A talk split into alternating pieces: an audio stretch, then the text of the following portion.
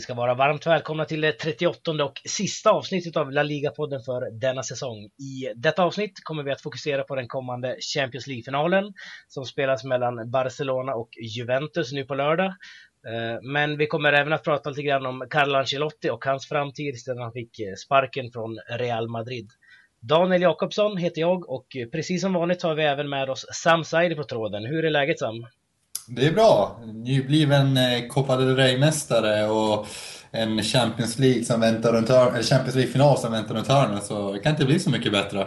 Nej, precis. Två titlar första säsongen för Enrique, det är bra. Men ja, det kommer vi in på. Två, två, titlar för mig eh, också, eh, första säsongen av La Liga-podden. Det är inte dåligt. Nej, precis. Härligt. Uh, med oss den här veckan har vi även Anel Avdic från Juventus-sidan här på Svenska fans. Um, till att börja med, Anel, hur kommer det sig att du håller på Juventus? Uh, ja, uh, kärleken för uh, den gamla damen har väl alltid funnits i familjen bland kusiner och släktingar. Så att även runt mina kompisar och så. Så det är väl så kärleken har spridit sig. Och så har man alltid sprungit runt med en liten Del, Del Piro-tröja.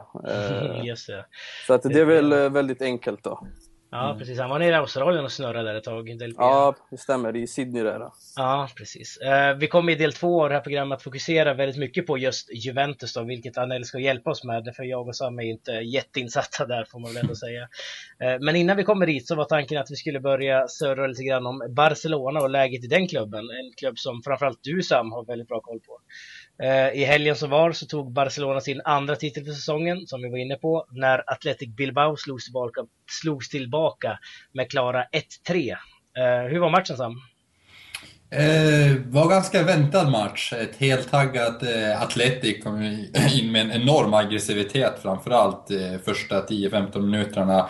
Eh, Barcelona som är i strålande form svarade alldeles ypperligt på det. Man spelade sig ur situationerna, man man gav liksom också en slags aggressivitet tillbaka till, eller mot, alltså mot eh, medel, mot eh, Athletics eh, aggressivitet.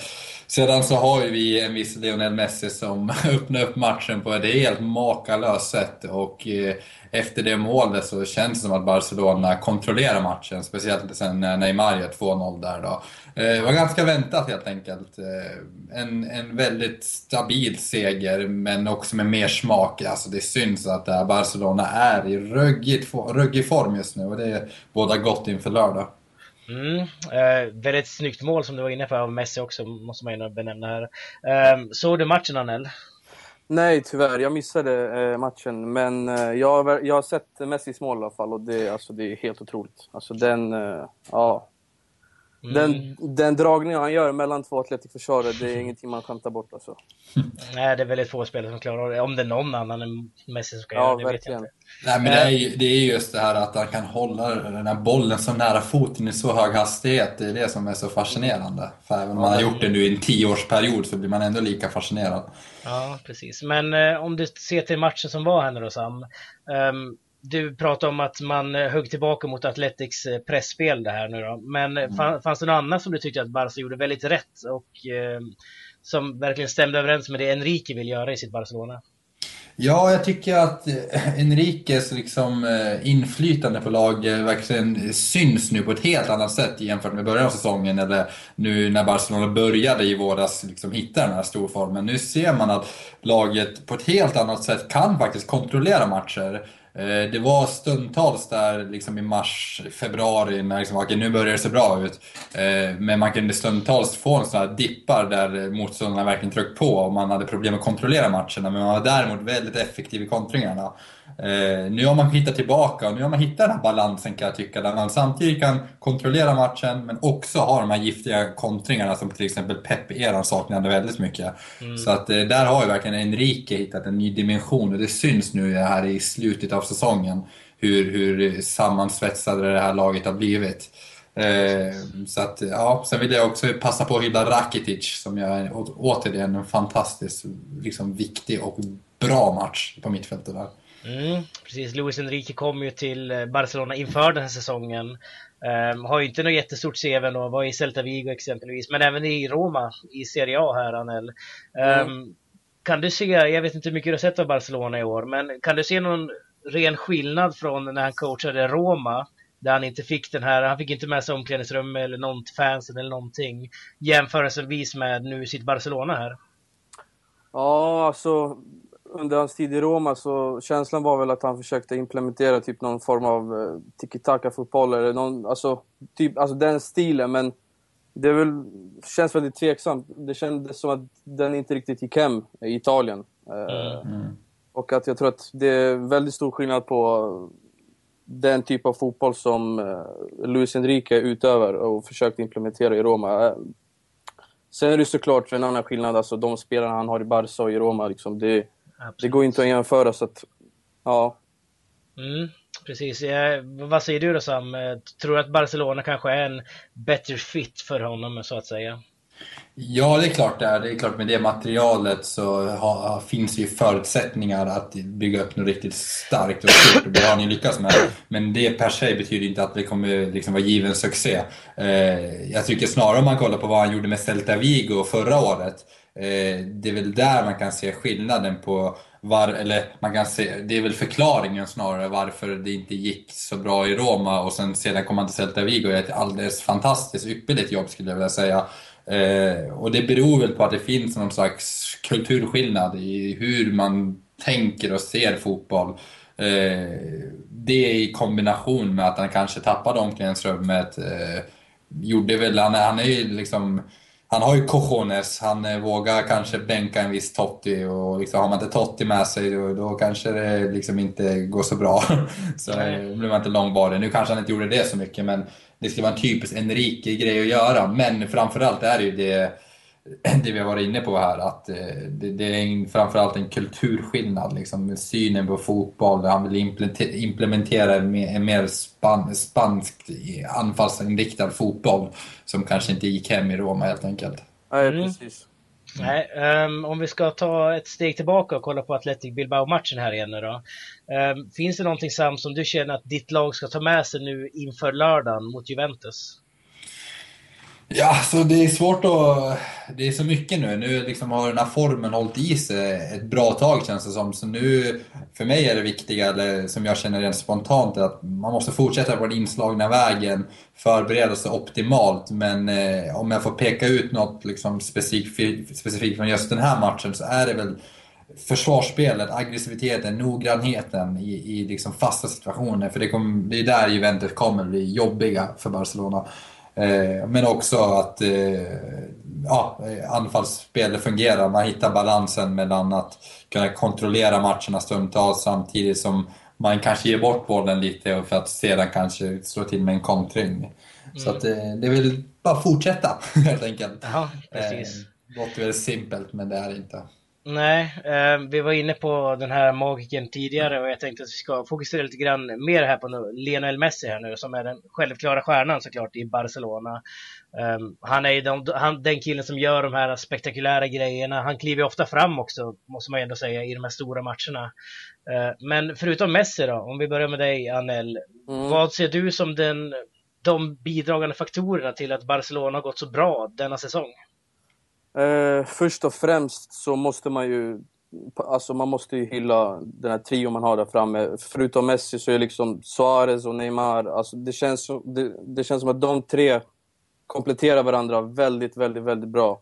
Mm. Och eh, de plockar verkligen ut det bästa ur varandra eh, när Barca behöver det som mest. Eh, och eh, sen vill jag verkligen lyfta fram Rakitic också som Sam var inne på tidigare. Det är en eh, mittfältare som eh, har adderat en annan typ av fotboll på det, på det här mittfältet tycker jag. Vi är väldigt vana vid eh, alltså, passningsskickliga mittfältare på Barcas mittfält. Men det känns ju som att Rakitic har en, en till dimension att addera i- med, sitt, eh, alltså med sina löpningar, med sitt spel i djupled och det här. Mm.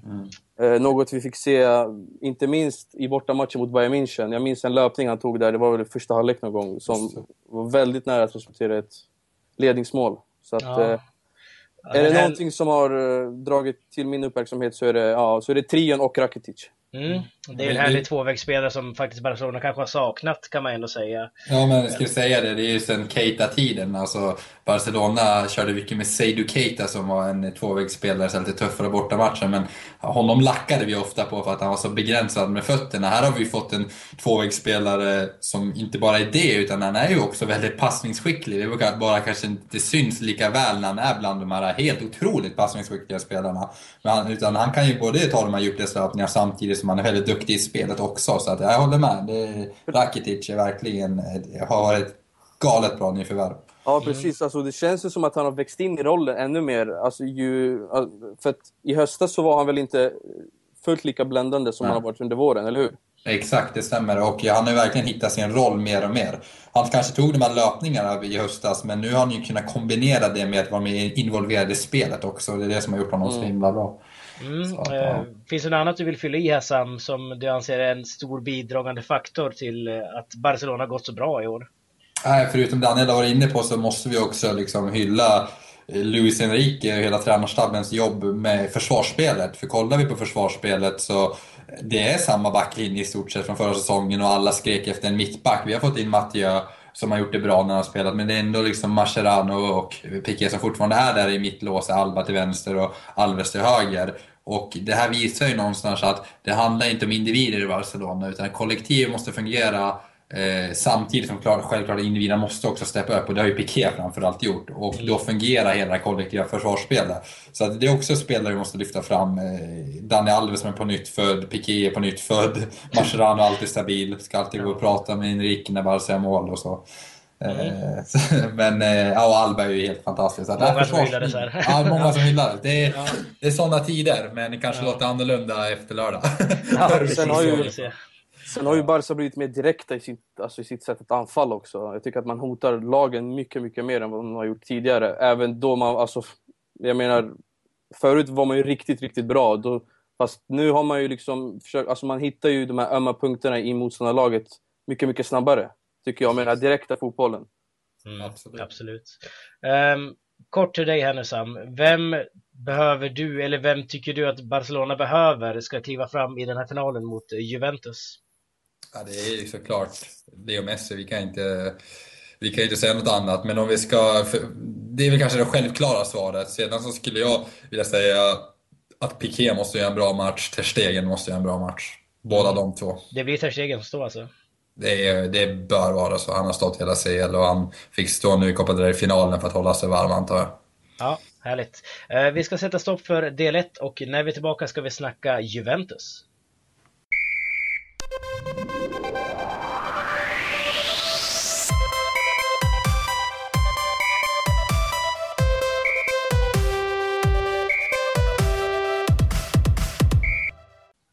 På andra sidan Medelhavet finner vi Juventus som återigen är i final i Champions League. Precis som Barcelona så vann Juventus den inhemska ligan, eh, men till skillnad från Barca så vann Juve Serie A relativt enkelt ändå måste man ändå säga med 17 poäng ner till tvåan. I säsongens sista match spelade Juventus 2-2 borta mot Hellas Verona. Ehm, hur var känslan efter matchen, Anne? Låg tankarna på någonting annat kanske?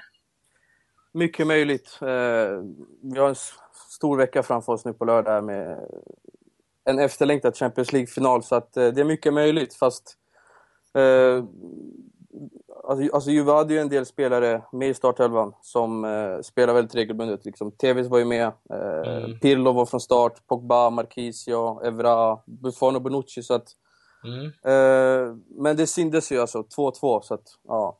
Mm. Ja, det är väl ett lag som man, nu har jag jättedålig koll här på Serie A, men jag antar att det är ett lag som man brukar slå. Liksom. Ja, verkligen. Vi vann väl eh, mot Hellas Verona i höstas med 6-0 tror jag. Så att, eh, mm.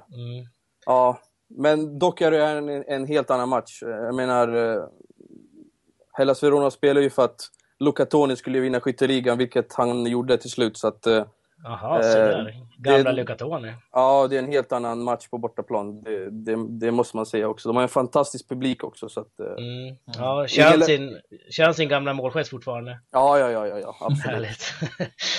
Um, men eh, kan man säga nog att du känner dig ganska nöjd med 2-2 med tanke på vad som komma skall? Jo, men absolut. Alltså, jag tänker att ligan redan är avgjord. Vi har vunnit kuppen så att eh, en mm. dubbel är ju säkrad. Så att, eh, och helgens match handlade med, alltså mest om att inte dra på sig några skador på våra nyckelspelare och eh, mm. det lyckades vi med. Så att, ja, jag, får ju, jag är väldigt nöjd.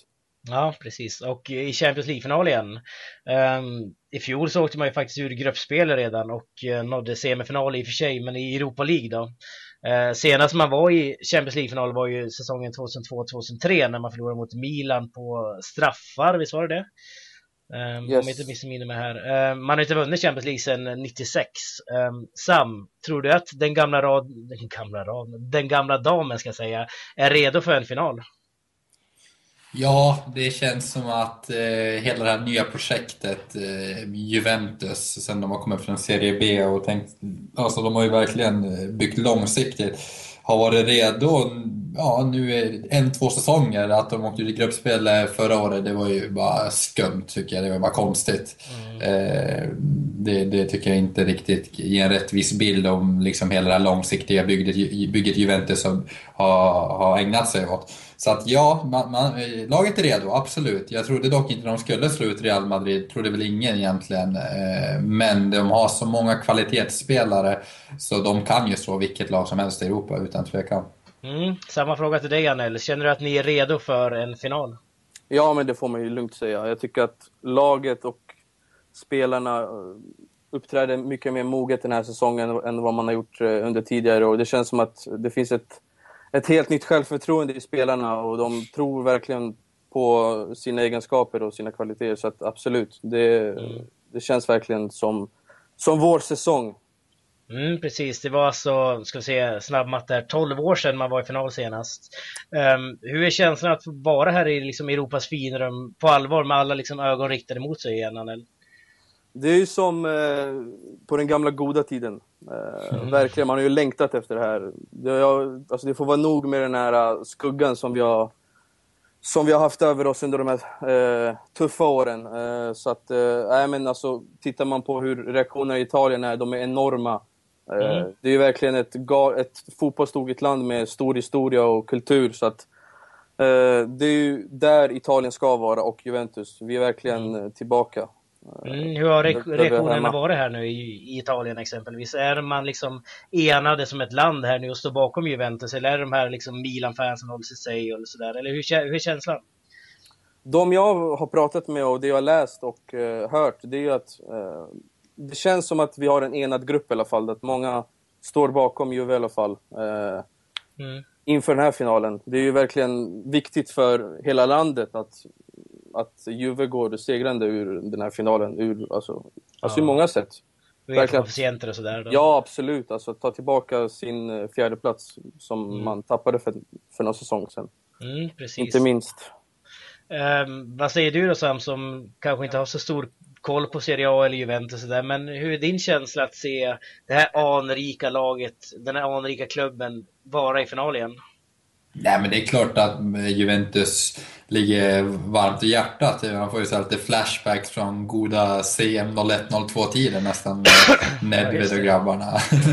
som man satt och spelade i sina unga dagar. Eh, så Juventus som har man ju liksom växt upp med som ett lag som ska vara med där. Liksom, det har ju varit tomrum i, i italiensk fotboll och europeisk toppfotboll. Så att Juventus har hemma i den här toppen. Så det är, bara, det är bara härligt att ha dem tillbaka. Sen att de får möta mitt Barcelona, det är klart att det är synd. Men, ja. men eh, klart, jag, jag hoppas liksom bara att det här håller i sig nu och det, det kommer det göra. Det är så pass anrik klubb och man har, man har satsat långsiktigt nu. Liksom hela det här bygget med arenan och Eh, hela det här nya lagbygget. Liksom har funnits en, funnits en tanke bakom det. Det har funnits en kontinuitet som jag tror kommer behålla Juventus på den här, i, den här positionen helt enkelt, förhoppningsvis. Mm, precis. Um, du Anel som följer liksom Juventus, kanske inte dagligen men i alla fall veckligen om man får säga mm. så om det är ett ord. Uh, hur har säsongen varit för ditt Juventus? Den har ju varit uh över alla förväntan, måste man ju helt ärligt säga. Det var ju en kaotisk sommar där när, när Antonio Conte lämnade. Dagen mm. innan eh, försäsongsträningen skulle börja. Och det var ju kaos där för ett par, alltså ett par dagar. Eh, inte minst när eh, Max Allegri skulle ta över och det var många tveksamma röster. Och mm. det, var, det kändes som att allt talade emot för oss. Eh, men eh, som sagt, ja, en dubbel och en chans på en trippel, det är ju liksom, ja, det är verkligen en dröm som är nära att bli verklighet. Mm, du var inne på Allegri här. Tycker du att han har förändrat någonting i Juventus spelsystem eller har han kört på liksom Antoni Contes sätt att spela? Eller har det blivit en förändring i Juventus? Vad säger du? Conte har ju lagt grunden. Han har ju byggt en stabil stomme i laget och eh, Allegri har ju tagit sig an den här uppgiften väldigt, eh, alltså på ett smart sätt.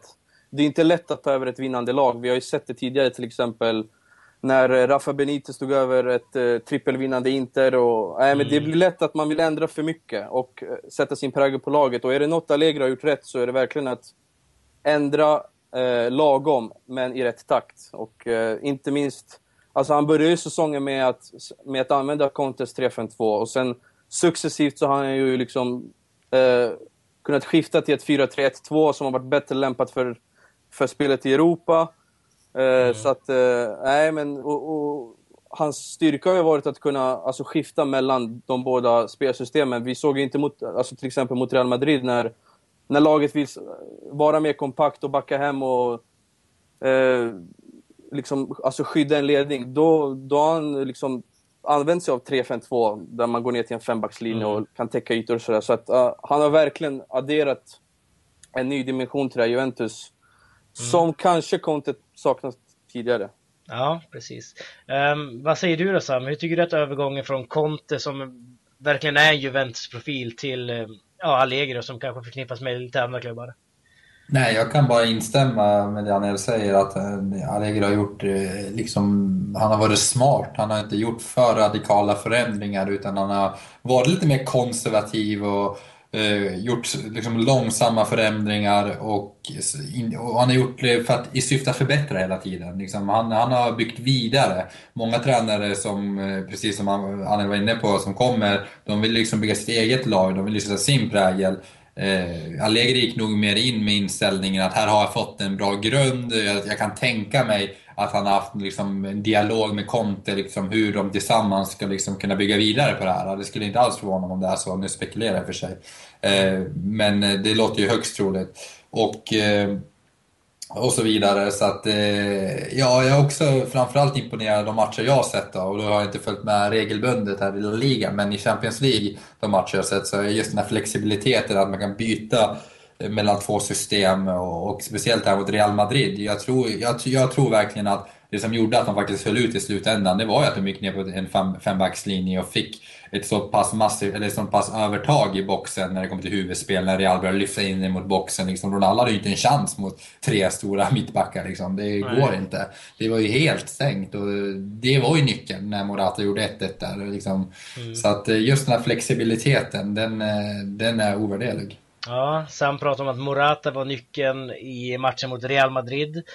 Um, vad säger du nu Anel, i matchen mot Barcelona här som stundar? Uh, vem kommer Juventus att förlita sig på i finalen? Uh, först och främst så, ja, jag måste ju alltså lyfta fram Buffon. Eh, uh, måste, alltså han, han måste göra sin, en, alltså en stor match och sen uh, TVs där och där framme med, med, med, med Morata. Det gäller att liksom utnyttja chanserna man får mot Barca eh, när man väl får tag i bollen. Och sen såklart mittfältet där med, med Vidal och eh, Pogba. Eh, mm. Och även backlinjen också som har skött sig formidabelt under hela säsongen. Eh, så att, nej men det, det, det är mycket som ska falla på plats, helt klart. Men ja, Buffon och TVs då, om jag får eh, ta absolut, två. Absolut. Eh, samma fråga till dig Sam. Ja, men jag tror också TVs framförallt måste ha en bra dag. Eh, jag tror att Barcelona liksom kommer vara spelförande. Eh, och då gäller det när Juventus väl får bollen, vilket de kommer få, eh, så då måste TVs ha den här kreativiteten och kunna luckra upp försvar. Eller i alla fall inte att han ska göra mål, eller ska, alltså, men just att han ger en jobbig, liksom, att inte Piqué Marcheran får för, för enkelt. Liksom, att de bara liksom avfärda varenda eh, Juventus-anfall. Att det blir en slags osäkerhet fort TVs kommer, att han gör att de får svettas lite. Och liksom, är, är TVs på det humöret, då kommer ju varje anfall vara jobbigt för Barcelona helt enkelt. Mm. Så TV skulle jag vilja lyfta fram. Ja, verkligen. Han, han har ju alltså, växt fram under, eh, alltså, under hela säsongen här. Han har ju bä, alltså verkligen levererat i Champions League. Mm. Något som han inte lyckats med tidigare, eh, om man tittar på förra säsongen. Och tiden i City också som har varit turbulent. Mm, precis. precis. Uh, lite kort tänkte jag att vi skulle snacka om uh, två spelare som faktiskt, det här är ju faktiskt La Liga-podden måste man ju säga. Uh, ja. Då har vi två Spanien-bekantingar i form av Alvaro Morata och Fernando Llorente. Um, hur har deras säsong sett ut, Anel? Uh, Llorentes säsong har varit uh, tuff. Uh, inte riktigt som förra. Där han, jag tror han gjorde 18 ligamål förra året. I år har han typ mäktat med 5 eller 6, okay. tror jag. Mm. Så den har varit riktigt tung. Sen har jag ju...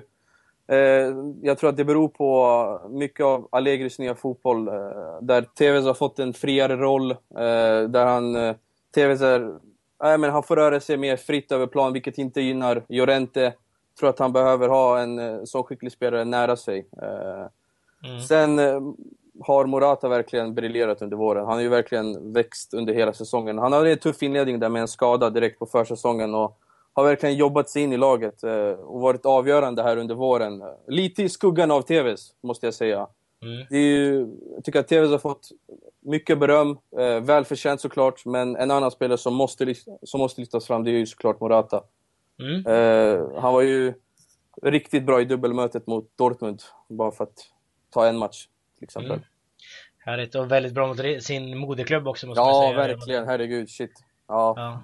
Eh, men härligt, vi ska sätta stopp för denna del och när vi är tillbaka då ska vi faktiskt tippa den här matchen och snacka lite Carlo Ancelotti.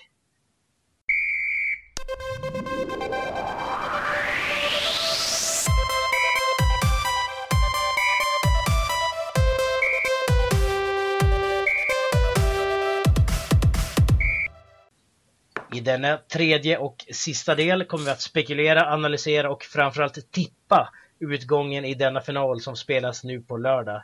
Eh, sett till alla förutsättningar Sam, som vi tidigare gått igenom, hur tror du att det slutligen kommer att gå?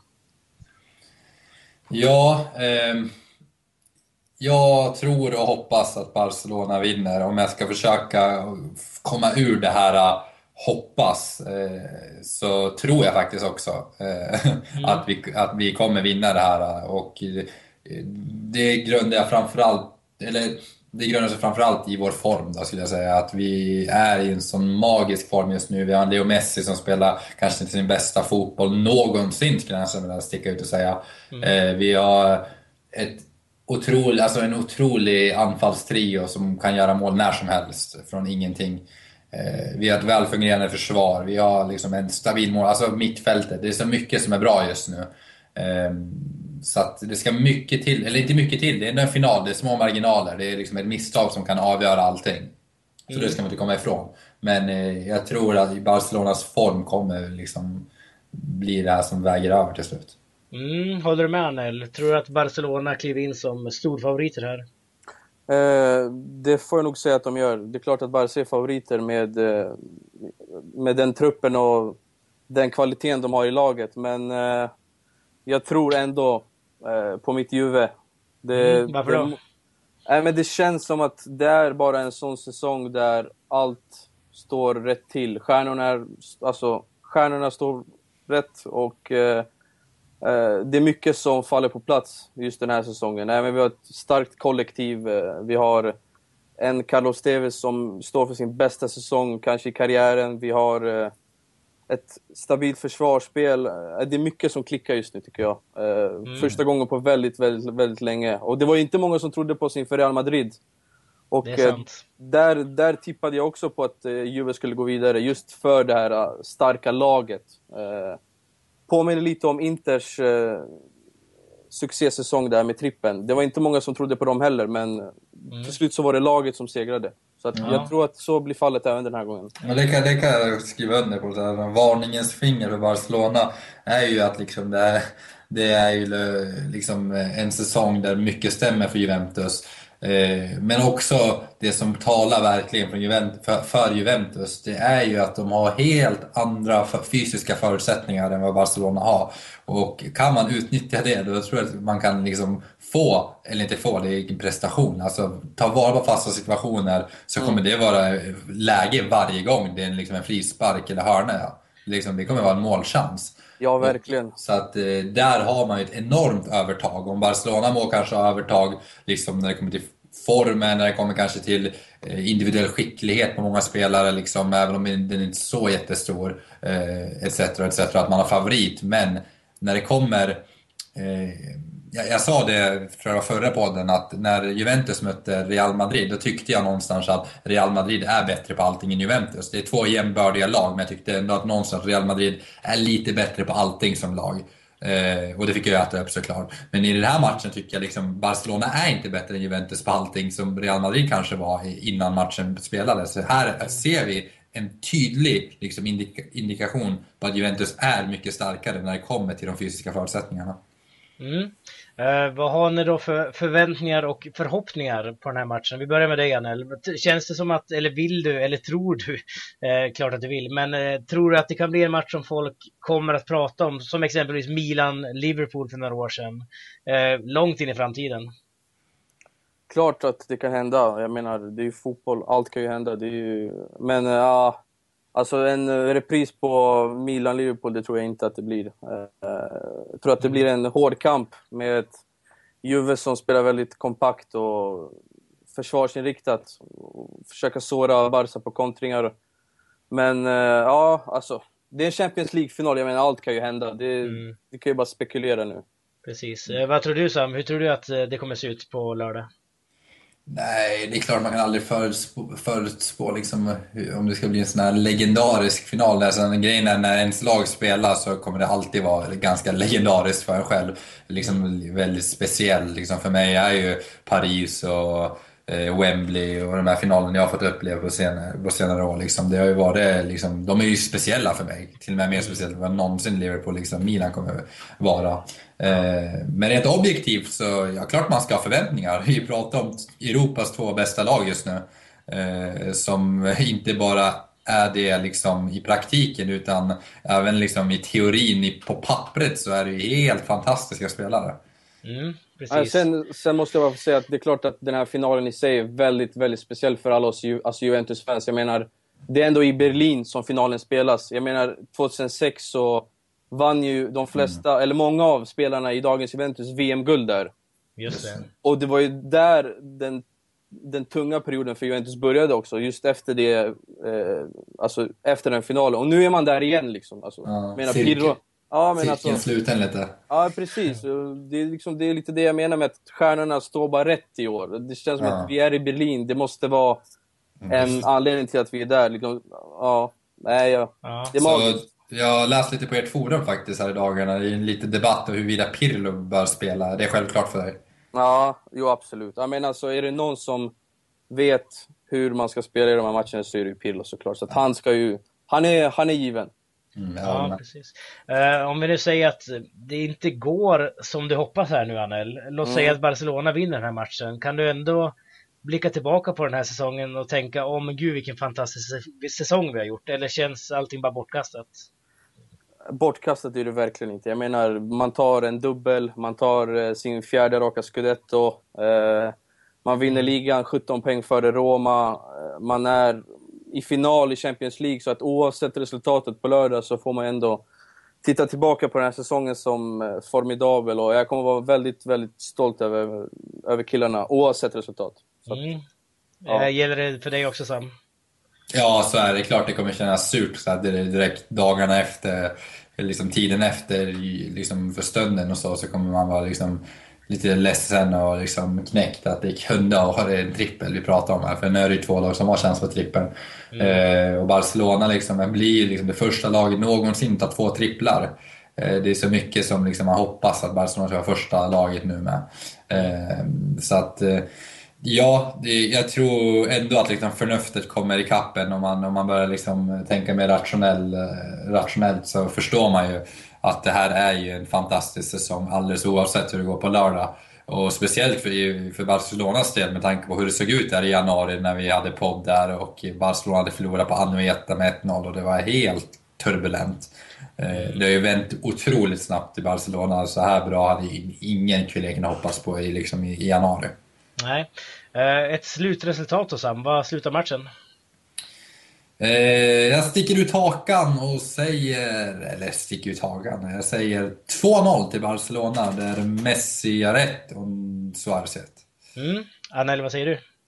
Eh, 2-1 Juventus tror jag. Blir eh, Messi då, målskytt i Barca, så får vi ta Tevez och eh, Morata som gör det igen. Mm. Eh, då ska jag slänga in röst, min röst och säga 3-1 till Barcelona faktiskt. Eh, det är den, klubben jag har bäst koll på av Juventus och Barca. I och med att jag har följt dem hela säsongen. Så jag säger 3-1 till eh, Barcelona, det Suarez i hattrick. Eh, wow. du, han, han älskar Suarez att du men vi kliver vidare och tar den sista punkten för säsongens La Liga-podd faktiskt. Eh, vi ska snacka om eh, Carlo Ancelotti som vi tyvärr missade att prata om förra veckan. Eh, men vi ska snacka lite kort om honom. Han har fått sparken från Real Madrid nu. Ehm, varför, varför blev det så Sam? Ja, det, det säger väl sig självt någonstans att det är en misslyckad säsong. Det är CL-vinnarna, Copa vinnarna går ju alldeles titellösa med, med det laget. Liksom. Det är, I en klubb som Real Madrid är ju inte det acceptabelt. Och eh, man kan säga vad man vill om Ancelotti. Liksom, jag tycker ändå någonstans att han är gjord för Real Madrid på ett sätt. Jag tror inte det finns någon ersättare där ute som kan ersätta honom liksom fullt ut ändå. Så av den anledningen hade jag gärna liksom, sett, sett att han stannar kvar ändå. Men, eh, på vilket sätt tänker du där? Nej, men liksom, han uppfyller ju de här kraven som, som, jag, som jag till exempel argumenterar för att Mourinho inte hade. Liksom den här med gentlemannen. Alltså, Real Madrid är ju en gentlemannaklubb. Eh, han har den stilen, klassen för att kunna hantera de här stora stjärnorna och kunna hantera en klubb som Real Madrid. Men eh, ja, klart, det, är inte, det bara det räcker inte utan man måste också ge resultat, tyvärr. Mm, eh, och då, då blir det ju så här. Och eh, ja, vi får se vem, vem som tar över. Det ryktas om Rafa Benitez. Ja, just det. Rafa Benitez. Vad, vad säger du om det, Anel? Kan det vara en bra ersättare för eh, Ancelotti? Nej, verkligen inte. Nej, nej. alltså, om man, alltså om man tittar på det som han har gjort i Napoli och... Nej, alltså det är ju långt ifrån rätt man för att coacha ett lag som Real Madrid. Eh, tycker att eh, Florentino Perez är ute på halis här. Han skjuter sig själv i foten genom att sparka en, en tränare av Ancelottis klass. Liksom. Den, eh, Mm. Alltså, det, det, det, är en tränare som vann Champions League förra året. Och, nej, visst, man går titellösa, men jag tror det är, det är inte rätt steg att gå. Genom att kicka Carlo, det är det verkligen inte. Nej, Florentino har gjort det här tidigare också med Vicente Del Bosque, måste man ju säga, som också är en sån här gentlemanna-coach liksom. Eh, fick sparken från Real Madrid, exakt som Ancelotti här nu. Eh, vad säger du om det Sam? Florentino Perez tappar helt. Ja, både och. Det är väl, eh, det är väl lätt att säga nu kanske. Sen om liksom Benitez kommer hem och drar en trippel, då kommer vi sitta här och säga ja, det kanske var rätt att ta in Benitez ändå. Eh, för jag, jag är ändå av åsikten, för att jag vet inte varför jag, jag alltid gillat Benitez. Eller inte gillat honom, jag skulle aldrig vilja ha honom i Barcelona. Men eh, jag, jag kan ändå se att han har ett fotbollskunnande som liksom som faktiskt sticker ut på ett sätt. Han är så taktiskt skolad. Och jag tror bara att han, hans idéer, precis som Enrique, inte passade i Italien bara. Jag tycker han gjorde ett bra jobb med Liverpool, stundtals i alla fall. Mm. eh, liksom han hade en ganska, inte medioker, men han hade liksom jämfört med konkurrenterna i Liverpool, eller när han hade Liverpool, jämfört med konkurrenterna där så tycker jag på pappret att Liverpool inte hade ett lag för att faktiskt konkurrera än. Så ändå var han där liksom topp fyra varje år, tvåa liksom. Det är klart att Super inte vinna PL, men han tog ett CL-guld i alla fall med lite flyt. Eh, och sen om vi tar ett steg tillbaka och kollar vad han gjorde med Valencia så var ju det ett alldeles ypperligt arbete också som man, där han tog hem ligan. Så jag tror att Benitez kommer passa perfekt i, i Spanien. Sen vet jag inte om han är perfekt i Real Madrid. Men just det här att han är också väldigt duktig på att eh, få spanska spelare att växa och ta liksom, stora kliv. Jag tänker för spelare som Isco, eh, Iramendi och liksom, sådana spelare kommer det här vara alldeles perfekt. Mm. Men, men, men det känns ju som att för att träna Real Madrid, det är ju, alltså man måste uppfylla vissa krav. Det är, ett, det är, det är en klubb som vill spela anfallsglad fotboll. Man ska ju liksom mm. vinna vackert och stort och det ska vara liksom maffigt och så. Alltså Benitez står ju inte alls för den fotbollen. Nej, och det, det, det, det, det håller jag med om till 100%. Att om vi kollar på liksom den här negativa faktorn eller det som inte talar för Benitez just Real Madrid, då är det ju just det. Att han kommer, det känns ju mer att man tar en alltså det blir en kapellovärvning lite. Liksom. Ja, här, här ja. kommer det ju liksom inte vara fin fotboll, det här blir resultatinriktat liksom. Ja. Eh, men då får man väga det här lite mot varandra då, liksom. Att Benitez ändå kan införa den här spanska dimensionen, han har, han har ett taktiskt kunnande. Det kommer på bekostnad på den kanske liksom mer attraktiva fotbollen, men det, ja, det, ja, jag håller med. Jag håller med, jag tror att det kommer, den kräsna Real-supporten kommer verkligen ge Benitez ett helvete. Ja, precis. Uh, ursäkta. Vad väntar för Ancelotti härnäst nu då, Anel, tror du? Kan han komma tillbaka till Italien möjligen? Det har ju skrivits väldigt mycket om eh, en eh, flytt till Milan. Det är ju som sagt mycket som ska klaffa och det är en väldigt svår process. Men det är det, det, det, är ju det senaste att han överväger ett bud från, från Milan där Mm. han har briljerat tidigare då, under sin karriär. Så att, eh, det hade varit väldigt vackert med en återkomst till Milan för att på något sätt, det är ju där Ancelotti hör hemma ändå. Mm, man förknippar honom väldigt mycket med den Ja. klubben. Framförallt när man växte upp och såg alla de här Champions League-finalerna han drog dem till faktiskt. Så. Ja, Ja, men eh, hörni, nu har vi faktiskt nått änden av detta program. Eh, tack så jättemycket för att du ville vara med denna vecka, Anel. Tack så jättemycket, det var stort att vara med. Ja, det här är ju som sagt vårt sista avsnitt för säsongen. Eh, och vi kommer att återvända i augusti eller tidiga september med eh, nästa avsnitt. Men eh, har du några sista ord Sam som du vill säga här? Nej, det har jag väl inte. Det har varit kul. Vi satt där i augusti och, och filade på den här podden och sa men nu kör vi igång den här podden och förhoppningsvis kan vi finna kontinuitet här. Och det har vi gjort. Vi har inte missat någon vecka i stort sett. Det var väl en, ett eller två avsnitt där, där det blev nå, någonting. Men 38 avsnitt är inte fy. Nej. Vecka in och vecka ut. Så att det har varit kul. Det blir skönt med lite semester nu och sen har vi nya tag med, till hösten helt enkelt. Precis. Och tack till alla er lyssnare som har kommenterat och liksom gett oss feedback på det vi gör också. Det uppskattar vi väldigt mycket. Verkligen. Eh, vi tar till oss det. Men eh, nej, nu sätter vi stopp för denna säsong. Tack så mycket Sam för att du var med hela säsongen med mig här. Tack själv och tack alla gäster som var med. Och tack till dig Absolut. Anel återigen. Tack Så själv. att, eh, eh, stort lycka till på lördag. För. Detsamma, lycka till. Må bästa lag vinna. Verkligen. Ja. Men eh, tack för oss, hej då! Hej. Hej.